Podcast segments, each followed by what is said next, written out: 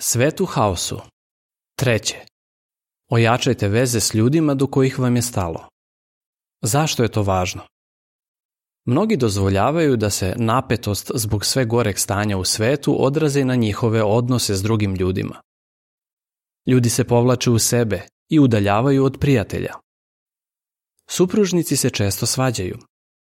Roditelji ne obraćaju dovoljno pažnje na brige koje muče njihovu decu.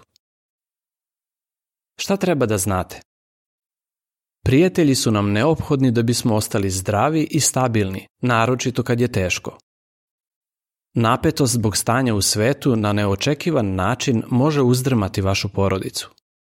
Loše vesti mogu potresti vašu decu više nego što mislite. Šta biste mogli preduzeti? Šta kaže Biblija? Pravi prijatelj voli u svako doba, a u nevolji postaje brat, Poslovice 17.17 17. Setite se nekog ko je vama pružao podršku i dobre savete. Samo saznanje da imamo nekoga kome je stalo do nas daje nam snagu da idemo napred. Kako opstati? Korisni saveti. Ovi saveti vam mogu pomoći da tokom kriznih vremena ojačate veze s ljudima do kojih vam je stalo. Ulažite u svoj brak, Šta kaže Biblija? Bolje je dvojici nego jednome, jer ako jedan padne, drugi će ga podići. Propovednik 4, 9 i 10 Muž i žena treba da budu kao pilot i kopilot koji slede isti plan leta, a ne kao dva borbena aviona koji samo što se nisu sudarili. Čvrsto rešite da se nećete istresati jedno na drugo. Trudite se da budete strpljivi i tolerantni. Barem jednom nedeljno porazgovarajte o važnim stvarima. Nikada nemojte smetnuti suma da treba da napadnete problem, a ne jedno drugo. Nađite vremena da zajedno radite stvari u kojima oboje uživate. Prisećajte se lepih trenutaka koje ste proveli zajedno, možda tako što ćete gledati slike svenčanja ili nekih drugih prilika. Nećemo se u svemu složiti s bračnim drugom, ali to ne znači da ne možemo da funkcionišemo kao tim. Jednostavno treba da zajedno donesemo neku odluku i da oboje radimo na tome da ona uspe.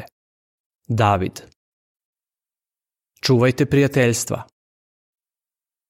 Lepo je što imate prijatelje koji vam pružaju podršku, ali dobro je i da razmišljate o tome kako vi njima možete pružiti podršku.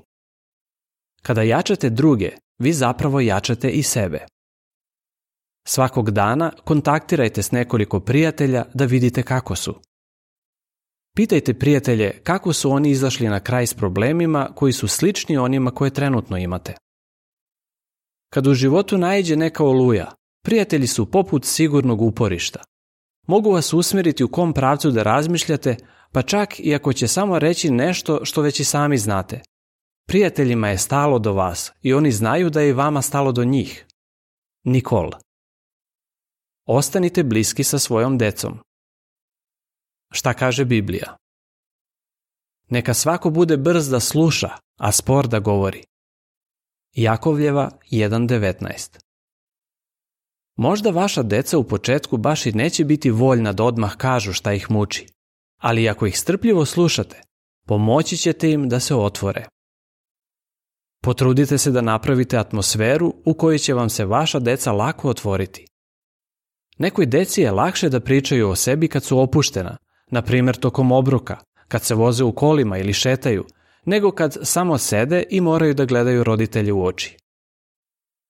Pazite da vaša deca ne gledaju prečesto uznemiravajuće vesti. Recite deci šta ste već preduzeli da bi vaša porodica bila sigurna. Napravite plan šta ćete raditi u vanrednoj situaciji i uvežbajte ga sa svojom decom.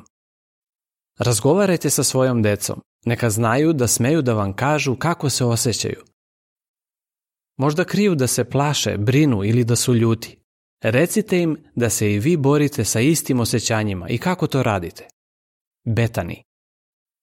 Saznajte više. Pogledajte video Put do srećne porodice.